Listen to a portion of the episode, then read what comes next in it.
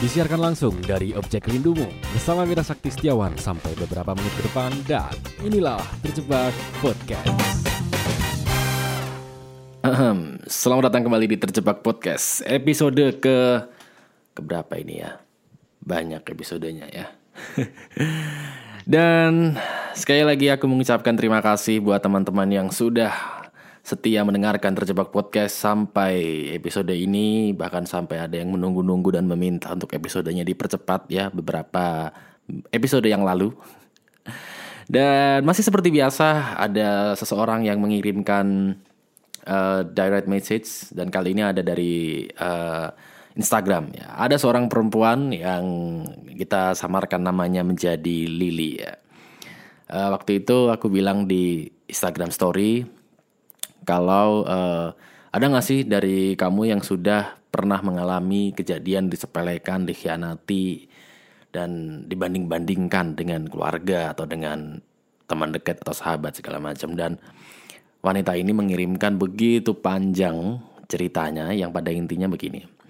Uh, saya pernah mas dengan mantan suami saya. 15 tahun sudah saya menikah dan harus diakhiri dengan sebuah perpisahan. Saya menikah karena ada kesalahan pada masa remaja. Pada saat itu ortu kami juga sudah setuju untuk uh, menjalani pernikahan. Dan kami berumah tangga juga aman-aman saja Sampai dia kerja setelah kuliah dan terus-terus aman sampai lima tahun pertama kita lewati dengan baik ya. Terus akhirnya uh, selama 15 tahun menikah sedikit pun saya tidak pernah meminta dibelikan apa pun. Bahkan di tahun-tahun terakhir saya tidak tahu uang gajian dia itu berapa. Berapa tahun tidak beberapa tahun terakhir saya juga tidak diberi uang bulanan. Saya pun tidak meminta karena saya tahu uang itu dia gunakan untuk membayar cicilan mobil. Nah, masalahnya mulai timbul ketika tahun 2014 dia punya wanita idaman lain di salah di satu kantornya. Saya tahu itu karena memang sikapnya yang berbeda. Saat itu saya memberanikan diri untuk menemui wanita itu di suatu kafe diam-diam dan saya ajak mempertemukan mereka bertiga dan tahu akhirnya cewek itu malah marah. Dan setelah itu suami saya meminta maaf dan tidak akan mengulangi mengulangi lagi janjinya. Tepat tiga tahun setelah kejadian itu terjadi, suami saya kembali mengulang kesalahan yang sama di kantor yang baru, kali ini dengan SPG. Dan lebih parahnya dengan wanita ini pun sampai ke tindakan kriminal sehingga melibatkan polisi.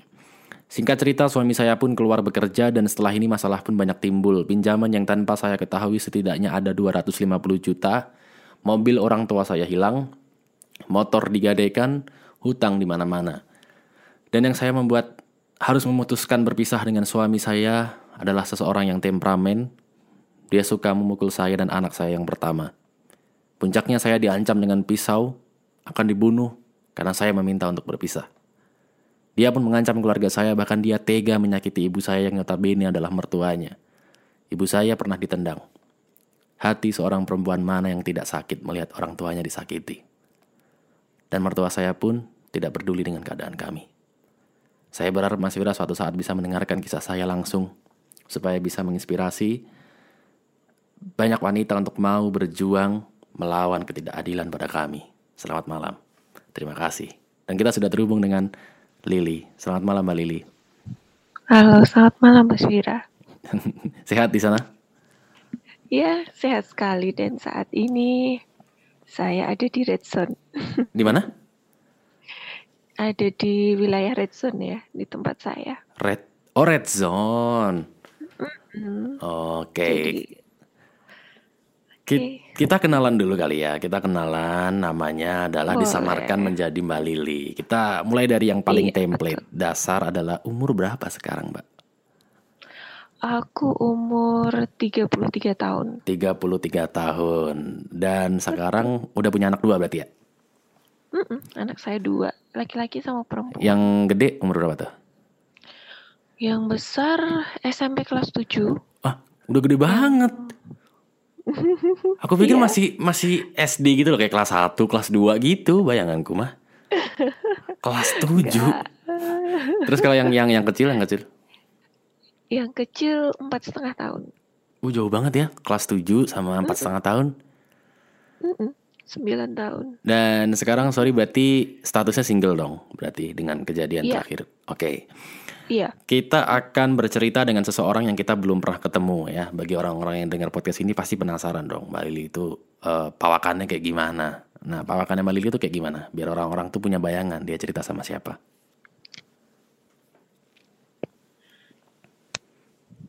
Halo? Iya, iya. Biar orang-orang tahu, uh, bisa gambarin nggak perawakannya Mbak Lili itu gimana? Iya. Halo? Iya, denger nggak jelas nggak? Iya. Uh, sorry, tadi agak terputus bentar ya. Oh, uh, kita kan uh, cerita dengan orang yang nggak pernah kita ketemu. Nah, biar orang-orang yang denger tercepat iya. podcast ini ngerti, bisa nggak ceritain pawakannya Mbak Lili itu gimana? Biar kita punya bayangan nih. Oke, okay. saya uh, selainnya ibu rumah tangga biasa. Ibu rumah tangga biasa. Punya, iya. Terus? Saya punya mimpi, punya waktu itu saya punya mimpi, punya harapan yang besar ya ketika saya menikah. Mm-hmm.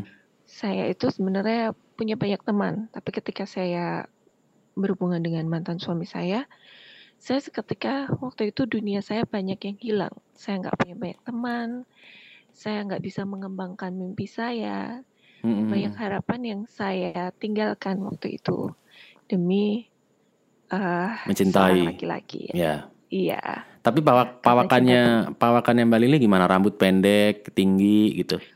Um, rambutku sekarang pendek okay. dan banyak ubannya. banyak masalah soalnya. Iya, gitulah. Dan apa namanya? Sekarang aku lebih bahagia, lebih agak gemukan sih orang bilang mas. Lebih baik, karena lebih bahagia. Dan uh, kerja di bidang apa? Atau ibu rumah tangga aja? Enggak, sekarang aku kerja Aku itu ngajar jadi pendamping anak berkebutuhan khusus. Oh, guru dong berarti? Iya. Oh. Dan dari profesi ini aku belajar banyak tentang rasa bersyukur ya, gitu. Betul. Dan berani untuk melepaskan. Betul, betul. Dari sini aku belajar banyak sekali bahwa uh, hidup yang aku jalani itu masih jauh lebih bersyukur dari, daripada ketimbang anak-anak Ya. Uh, seperti mereka gitu. Betul. Oke, kita kembali ke cerita yang Mbak Lili pernah kirim pada waktu itu. Mbak Lili pernah cerita mm -hmm. kalau uh, dulunya itu pernah menikah dengan seorang laki-laki kita sebutnya adalah siapa ya? Hmm, Ardi ya. Kita sebutnya adalah Ardi ya. Katakanlah dengan Ardi. Siapa ya? Hmm. Akhirnya. Ya, boleh. Dan ya. waktu itu berarti menikah umur berapa tuh? Aku menikah umur 20 tahun. 20 tahun, 13 tahun yang lalu berarti ya, lama banget ya? Iya. Iya. Mm. Itu belum lulus kuliah berarti kan? Belum, aku masih kuliah. Oke. Okay. Oh iya, Mbak Lili itu asalnya dari Jawa atau bukan Jawa atau Sumatera atau mana? Jawa, Jawa, okay. Jawa. Aku Jawa. Oke. Okay. Kita kembali ke topik ya. Jadi menikah pada hmm. waktu itu dan awalnya menikah uh, kamu bilang kalau hmm. uh, married by accident berarti kan? Iya betul. Nah, betul. Dan lima tahun pertama nggak ada masalah? Nggak ada masalah. Dan masalah sebenarnya sebenarnya ada masalah sih mas, tapi mm -hmm. aku masih bisa meredam ya dengan uh, aku bukan tipikal orang yang meledak-ledak, jadi ada masalah ya aku masih bisa meredam, aku redam ya. Ketika pertama kali aku menikah itu sebenarnya ada masalah muncul, aku tahu mantan suami aku itu ternyata sebelum satu hari sebelum menikah itu dia menjalin hubungan atau orang bilang sekarang CLBK dengan mantan pacarnya. Maksudnya tidur sama mantan pacarnya?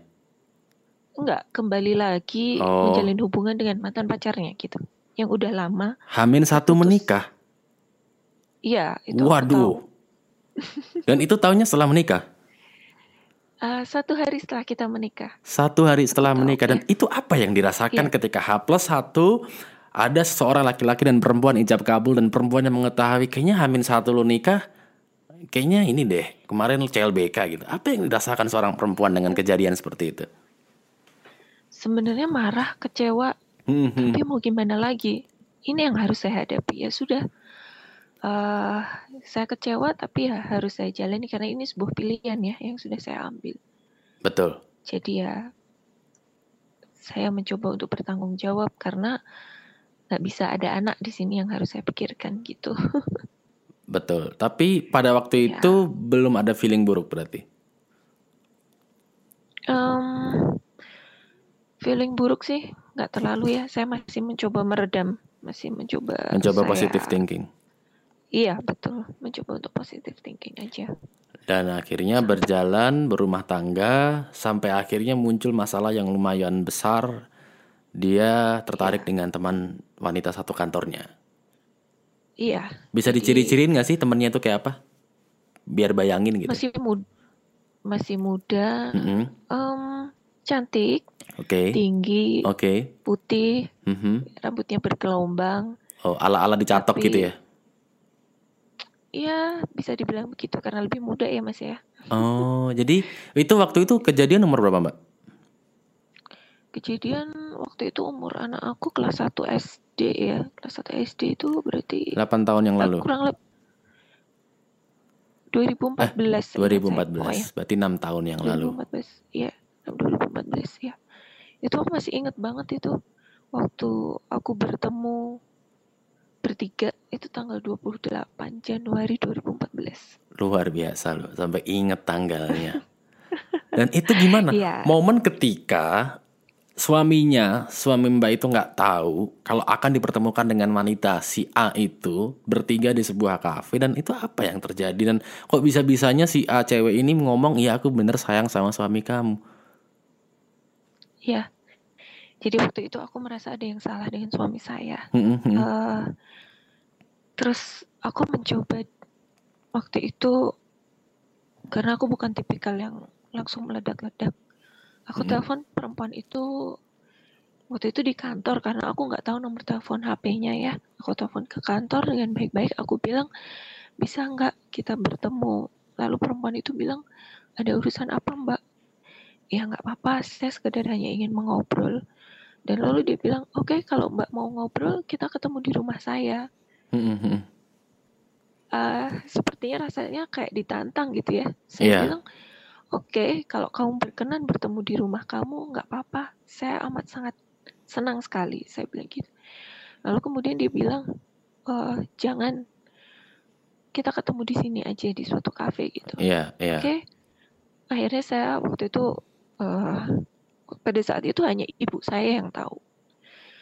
Lalu saya sore harinya waktu itu saya bilang ke suami saya, bisa anterin saya nggak ke tempat A? Saya bilang gitu. Mau apa? Oh. Nggak apa-apa. Saya minta ditemenin aja. Waktu itu saya bilang gitu. Saya masih coba meredam emosi. Lalu saya ketemu eh di situ saya duduk, saya temui wanita itu. Sama Suami suami. saya ada di situ. Iya, suami Wow. saya di situ. Dia Terus terus. dia nggak tahu. Iya, Hmm, waktu itu saya cuman tanya, ini ada apa dengan kalian? Saya bilang gitu. hmm. Ya mereka bilang nggak ada apa-apa. Ya mereka intinya pada saat itu mereka bilang mereka suka, Eh, mereka tertarik, bilang gitu. Em, saya sebenarnya agak kaget juga ya. Hmm, hmm. Saya cuman bil- saya tanya aja sama wanita itu, kenapa bisa seperti ini? Apa yang sudah kalian lakukan? Mereka nggak bilang secara eksplisit ya mas ya. Hmm, hmm. Eh, cuman saya waktu itu saya masih ingat saya bilang kalau kalian sayang sudah kalian lanjutkan lebih baik saya yang mengalah hmm, hmm. saya nggak mau ada di posisi jadi pilihan Ya. lebih baik saya tinggalkan saya begitu lalu abis itu saya pergi saya jalan kaki. Sendiri. saya dikejar sama iya. Saya dikejar sama suami saya lalu dia bilang jangan seperti ini dia begitu lalu mau seperti apa lagi? gitu rasanya eh, semuanya udah hilang gitu. Eh, saya udah korbanin banyak mimpi harapan. Saya nggak pernah keluar rumah. Saya tipikal jarang malas keluar rumah. Eh, saya nurut banget sama suami saya apa yang dia bilang. Tapi ketika tahu seperti ini rasanya ah, dunia saya kayak hilang gitu aja. Tapi balik lagi semua karena anak-anak. Saya mikir anak waktu itu akhirnya saya redam ego. Saya pulang sama suami saya. Dan dia bilang dia janji akan beresin masalah ini. Terus waktu itu dia bilang ke ibu saya dia nggak akan mengulang karena dia masih mau mempertahankan rumah tangga. Oke, okay. waktu itu saya percaya. Saya coba redam walaupun sedikit rasa sayang saya sudah berubah seperti dulu.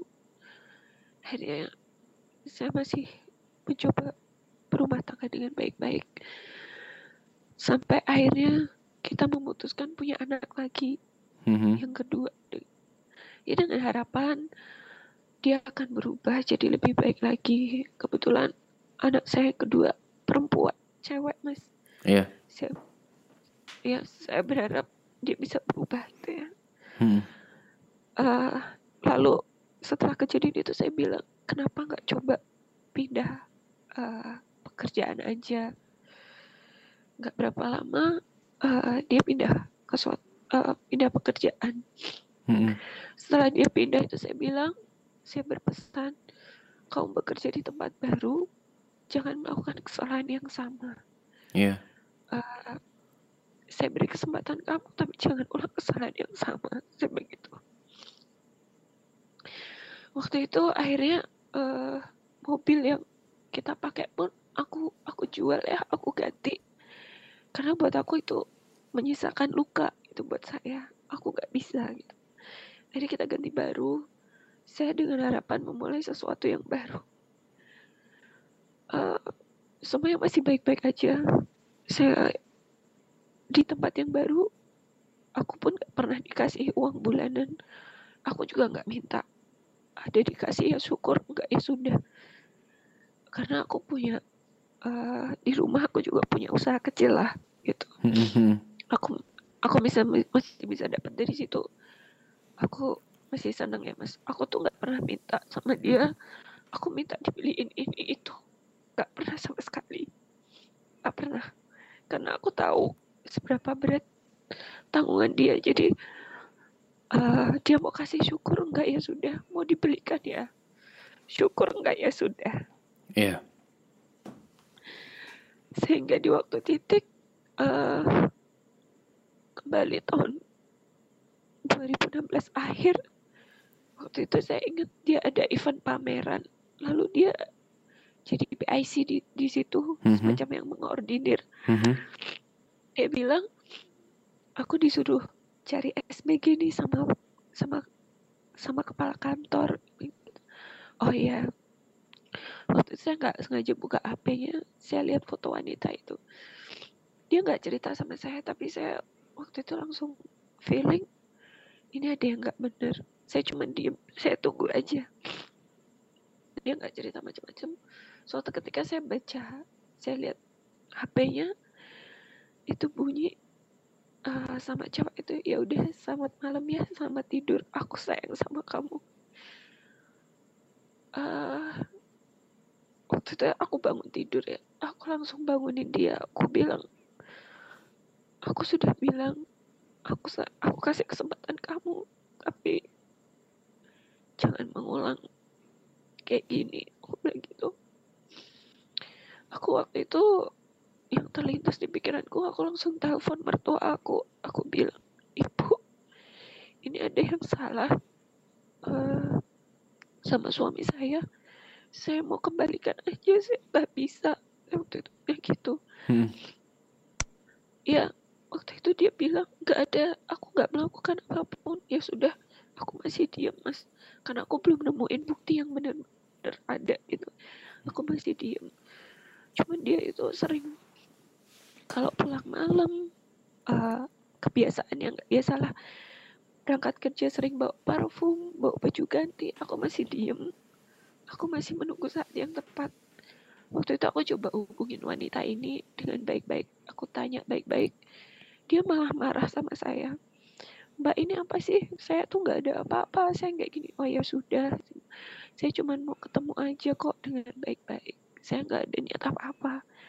Sampai akhirnya waktu itu tanggal Februari tanggal 28 malam uh, suami saya pergi keluar rumah. Karena dia ada pinjaman dengan kakak saya dan kakak saya tuh udah ngejar butuh banget mas. 25 25 juta waktu itu. Dan ya kakak saya tuh butuh banget uang itu. Dia janji waktu itu seminggu mau dikembalikan tapi ternyata udah tiga bulan lebih gak dikembalikan. Oke akhirnya waktu itu malam dia keluar dia janji mau ambil uang untuk kakak saya. Ternyata dia pergi ke kan, uh, ke tempat kerja perempuan itu. Uh, jam 11 malam dia nungguin di depan kantornya sambil teriak-teriak katanya. Ya perempuan ini tiba-tiba nelpon saya mas. Saya tuh udah waktu itu saya ngerjain tugas anak saya karena dia masih kecil ya saya bantuin dia. Hmm. saya masih bangun dia nelfon saya mbak saya minta tolong sambil nangis-nangis. Ini uh, suamimu di depan kantor saya sambil teriak-teriak. Saya takut mbak saya nggak bisa pulang saya minta tolong dong. Uh, waktu itu saya kaget ya mas ya. Saya bilang oke okay, saya tolongin kamu. Tapi aku minta uh, kamu juga tolong balik saya. Saya mau ketemu sama kamu. Waktu itu saya bilang gitu mas. Hmm, hmm, hmm. terus dia bilang iya mbak. Tapi tolongin saya ya mbak. Biar aku bisa pulang. Aku nggak berani nih mbak. Ini suamimu di depan sambil teriak-teriak. Oke mas. Aku tolongin. Aku telepon waktu itu suami saya. Aku bilang kamu di mana? Kamu pulang dulu. Ini udah malam akhirnya dia pulang mas. Pulang ke rumah sambil dia marah-marah. Kamu ini kenapa suruh aku pulang? Aku tuh lagi nyari uang buat kakakmu. Kenapa kamu suruh aku pulang? Kamu uh, dia bilang aku mau selesaiin semuanya. Waktu itu dia bilang gitu. Terus aku hmm. tanya mau selesaiin apa? Saya bilang gitu. Ya pokoknya aku mau selesaiin semuanya dia bilang gitu. Terus dia pergi lagi. Oh itu udah sampai rumah berarti ya iya uh terus dia pergi lagi mas hmm. dia pergi lagi waktu itu dia nyamperin ke kos cewek itu ternyata di depan kos cewek itu cewek itu udah berhasil pulang mas dijemput kakaknya mm-hmm. nah, posisinya di kosnya cewek itu ada kakaknya ada cewek itu mm-hmm. suami saya datang ke kos itu di depan kosnya katanya teriak-teriak lagi mau ketemu sama perempuan ini mm-hmm. balik lagi perempuan ini telepon saya bilang itu jam berapa mbak itu sekitar jam setengah dua belas malam mas oke okay, oke okay. terus Mbak, ini suamimu datang lagi. Aku takut Mbak ini teriak-teriak di depan. Dan gak taunya gak berapa lama berantem sama kakaknya mas. Berantem sama kakak cewek ini. Kakaknya ceweknya itu keluar berarti ya? Iya, dia mereka berantem. Mereka berantem dan akhirnya sampai ke kantor polisi. Ke kantor polisi mulut suami saya waktu itu sampai nyonyor besar gitulah. -hmm. Terus dia nelpon saya, dia bilang, uh, mah aku di kantor polisi. Bisa tolong aku nggak biar aku bisa pulang? Aku berantem sama kakak cewek ini. Gitu. Aku aku cuma bilang gini mas itu yang membuat kamu jadi kamu harus bertanggung jawab atas apa yang kamu berbuat aku nggak bisa datang aku nggak tahu kamu kenapa. Aku cuma waktu itu gitu mas. Ya terus waktu itu aku nelfon mertua saya aku bilang ibu ini uh, suami saya ada masalah di kantor polisi. Sama selingkuhannya saya cuma gitu. Hmm. uh, waktu itu mertua saya datang ke kantor polisi untuk nyelesain masalah itu. Hmm. saya tunggu jam 5 pagi itu baru pulang. Saya nggak tidur mas. Semalam itu saya nggak tidur. Hmm. saya uh, saya nggak bisa tidur akhirnya dia pulang mulutnya nyonyor dia cuman habis itu tidur dia minta izin buat tidur. Aku cuma bilang kamu tega ya sama saya. Udah terus dia tidur. Ya, aku bangun aku waktu itu lanjutin aktivitas ya karena udah pagi aku harus nyiapin prepare buat anak-anak sekolah. Udah dan esok paginya itu aku ketemu perempuan ini. Uh, aku ketemu dia cuman bertiga. Aku dia sama temen aku satu. Aku bawa temen tuh tujuannya biar tahu bahwa aku gak melakukan sesuatu hal sama perempuan ini. Ya. ya aku tanya baik-baik "Ah, sudah berapa lama jalan? Dia nggak jawab waktu itu kenapa bisa seperti ini? Dia melempar kesalahan ke ke mantan suami saya. Dia Hmm. bilang mantan suami saya ngejar-ngejar lah dijemput terus terus ditelepon terus. Saya bilang kalau kamu perempuan baik-baik kalau kamu perempuan baik-baik kalau ada orang laki-laki yang sudah bersuami dan kamu niatnya nggak ada apa-apa kamu kalau dijemput pasti kamu akan menghindar kamu akan teriak kamu bisa lari tapi kamu nggak kamu mau diantar kok ke tempat kerja kamu sampai keluar kota itu diantar mas. Sampai eh aku posisinya di kota kecil ya mas ya. Hmm, dia kerja di waktu itu dia SPG kerja itu ke Semarang. Diantar pulang pergi itu diantar mas. Su- suami saya itu rela eh, ninggalin saya sama anak-anak. Waktu itu aku aku inget ya waktu itu hujan deras banget. Aku di rumah bertiga sama anak-anak.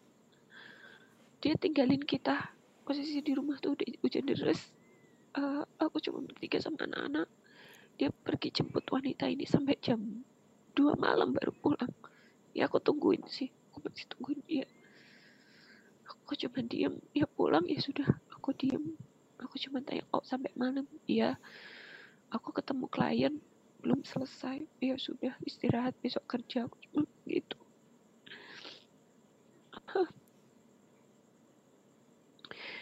Dan wanita ini dia cuma bilang suami kamu mbak yang ngejar-ngejar saya. Saya nggak salah. Dia ngirim video ke suami saya waktu itu karena suami saya mau piknik eh, ke luar negeri sama kantor gitu kan. Dia kirim video ke suami saya bilang hati-hati ya. Terus saya tanya kamu kirim video waktu itu ya ke suami saya? Dan perempuan ini bilang enggak saya kirim itu untuk satu kantor. Saya cuma nanya gini yang bener aja satu kantor itu juga punya istri apa ya? Istrinya nggak cemburu? Terus dia bilang ini di instastory kok mbak ya nggak mungkin kalau di instastory saya bilang gitu. Ya pada saat itu intinya perempuan ini juga eh, menyalahkan suami saya. Saya waktu itu cuma bilang ya sudah aku titipin suami kak suami aku aja ke kamu. Bilang gitu aku pamit pulang. Terus waktu itu cewek itu bilang gini ke saya mbak boleh nggak aku peluk kamu? Perempuan ini peluk saya mas Hmm. Lalu aku bilang, buat apa kamu peluk saya? Em, dia bilang, aku minta maaf, Mbak. Aku boleh ya peluk kamu? Saya diem aja. Dia peluk saya. Terus habis itu saya pulang. Saya ketemu suami saya di rumah. Mulutnya ya masih posisi dia masih tidur di rumah karena dia nggak berangkat kerja karena posisi mulutnya kan apa berdarah terus Mhm. ada luka gitu Mhm. saya masih diem terus waktu itu suami saya cuma bilang minta maaf dia nggak mau ulang lagi tapi sebenarnya di kejadian yang kedua ini saya masih ingat banget karena banyak luka yang dia timbulkan ya mas ya. Aku kehilangan banyak banyak yang banyak lah hubungan dengan keluargaku terus eh, uang yang aku nggak tahu sekarang detik ini ke mana. Dan apa ya? Eh, dia juga temperamen mas. Aku tuh sering dipukul Eh, waktu dia jalan sama cewek ini pun aku pernah berantem di kamar. Anak-anak lihat. Aku di aku di aku ditarik. Waktu itu aku mau pergi. Nemuin cewek ini karena aku udah udah capek. Aku ditarik waktu itu aku pakai jaket aku ditarik dilemparin ke kasur waktu itu. Aku cuma bilang kok kamu tega? Bilang gitu. Anak saya lihat mas. Anak saya paling besar lihat.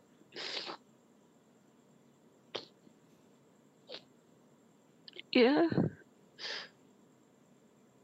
Uh, dia cuma bilang minta maaf. Gak akan mengulang lagi saya cuma bilang mas anak kamu perempuan. Gimana kalau anak perempuan kamu dilakukan seperti ini? Apakah kamu ikhlas? Saya bilang gitu. Dia cuma diem. Dia janji udah gak jalan sama perempuan ini. Ya udah aku percaya mas. Aku masih melanjutkan pernikahan. Karena aku mikir aku udah punya anak dua.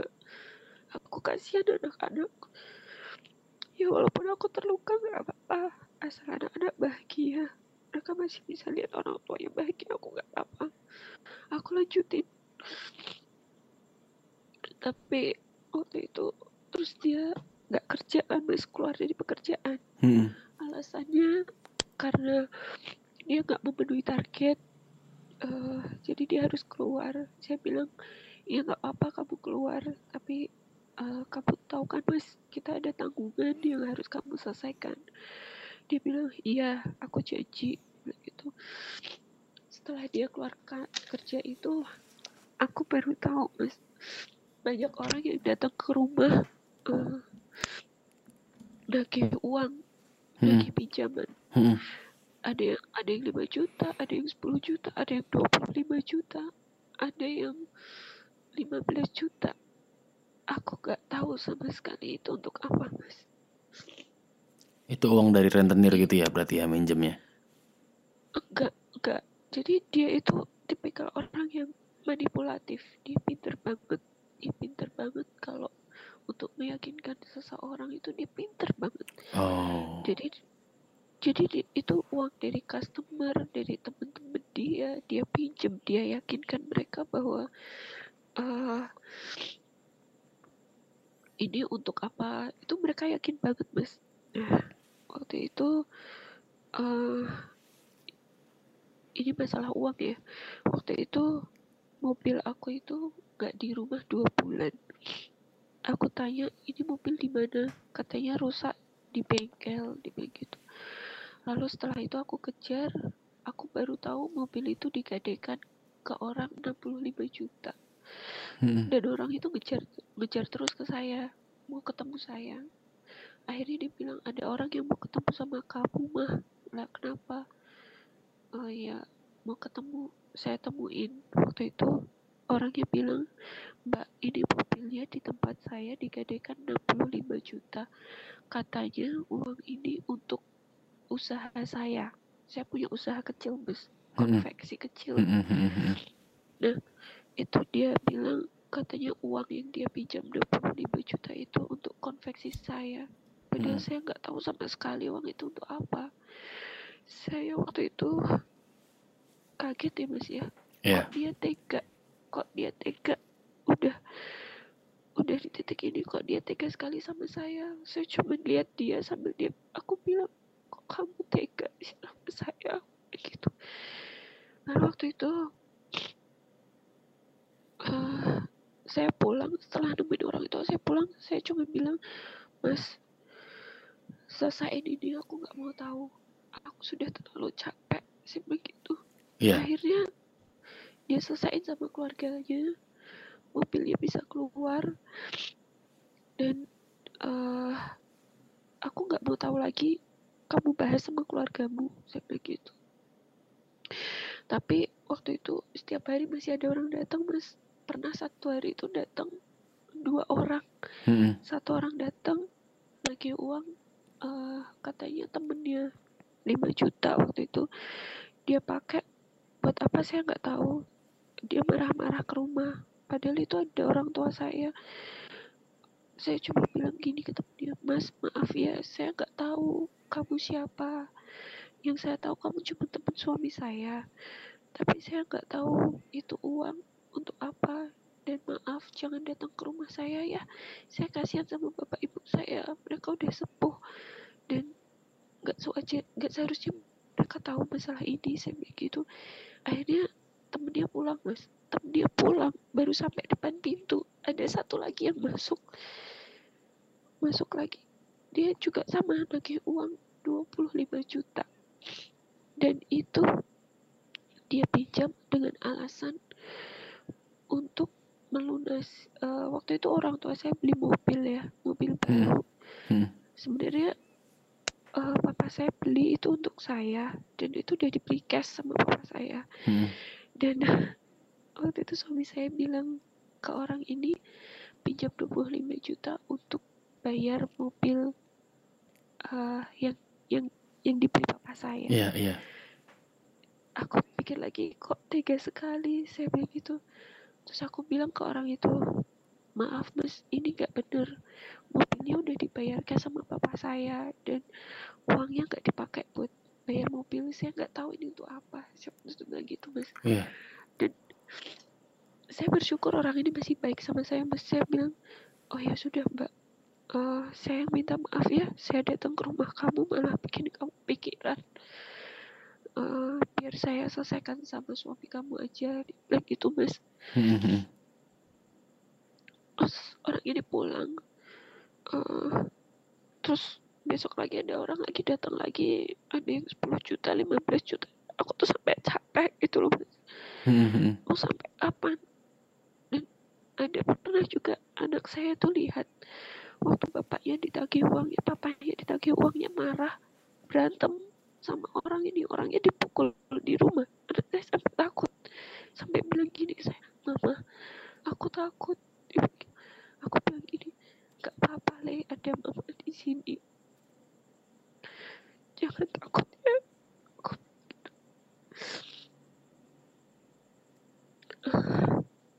terus uh, aku nggak mau tahu. Aku aku capek ya mas ya aku cuma bilang selesaiin masalah ini. Aku udah capek. Terus waktu itu uh, lain hal lagi. Aku tahu dia punya utang itu banyak banget mas. Karena aku sebagai seorang istri uh, dia kerja di dealer mobil. Uh, papa aku beli beli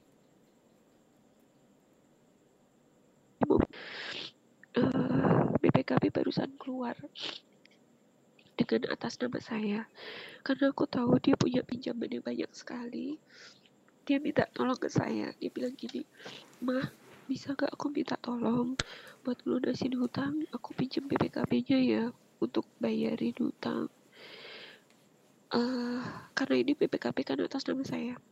Aku minta tolong ya. Saya tanya uh, aku mau tahu kamu melunasinya nanti gimana dia bilang ada kok uangnya di bapak A, ibu B, dan ibu C. Iya. Yeah. Aku ini aku percaya mas karena aku mungkin karena terlalu cinta ya, jadi aku masih percaya sama dia. Uh, aku percaya aku gadein uh, eh, BPKB itu diam-diam tanpa orang tua saya tahu dan aku tanpa izin ke yeah. mereka. Ya, terus akhirnya aku gadein, aku bantuin dia. Ternyata di plafon uang yang pertama itu nggak hmm. uh, mencukupi. Masih ada orang datang lagi minta to lagi uang lagi. Akhirnya dia merengek lagi. Aku minta tolong lagi ya uh, diperbesar. Aku bilang lagi terus gimana nyelesainnya iya nanti aku aku ambilin uangnya ke si bapak A si bapak B si ibu C begitu. Yeah. aku masih yakin lagi. Terus di akhir lagi uh, aku perbesar lagi mas karena ada orang yang nagih lagi. Mm-hmm. aku kasih orang tuaku kalau dia terus. Akhirnya aku perbesar lagi. Aku waktu itu bilang mas aku mau perbesar tapi aku harus tahu aku harus bilang ke bapak ibumu. Nanti kalau ada apa-apa bapak ibu tahu. Iya nggak apa-apa. Telepon bapak ibu itu ternyata nggak bisa nggak nyambung katanya bapak ibu. Nggak bisa. Terus dia bilang gini ini aku bisa ngubungin bapak ibu. Tapi buru-buru bapak ibu bilang uh, ditolongin dulu semua. Nanti kalau bapak ibu pulang dari Jakarta pasti dikasih uang. Waktu itu aku percaya ya mas ya karena aku mikirnya itu suamiku. Nggak mungkin akan bohongin aku. Yeah. aku gitu mas. Yeah. akhirnya aku tolongin berjalannya dengan waktu itu semuanya nggak bener dan nggak bisa dilunasin. Sampai akhirnya mobil itu mau disita dan orang tua aku tahu kalau aku gantiin diam-diam. Waktu itu orang tua aku kecewa sama aku mas. Tapi masih ngomong baik-baik sama sama mantan suami aku. Bapakku bilang dikasih waktu tiga bulan untuk menyelesaikan. Ternyata waktu tiga bulan itu nggak cukup. Dan mertua aku tahu kalau itu uh, ada pinjaman segitu banyaknya. Mertua aku juga nggak ke rumah mas. Buat bicara sama orang tua aku tuh nggak sama sekali. Bilang minta maaf atau gimana tuh nggak sekali. Aku malu ya di situ. Kok mertua aku tega sama aku? Uh, terus apa namanya waktu itu akhirnya Aku mencoba datang ke rumah mantan mertua aku. Aku bilang, Bapak, Ibu, ini uang yang dipakai sama suami saya gimana? Hmm. Waktu itu aku udah... Hai, terima kasih telah mendengarkan Terjebak Podcast. Sampai bertemu di episode selanjutnya.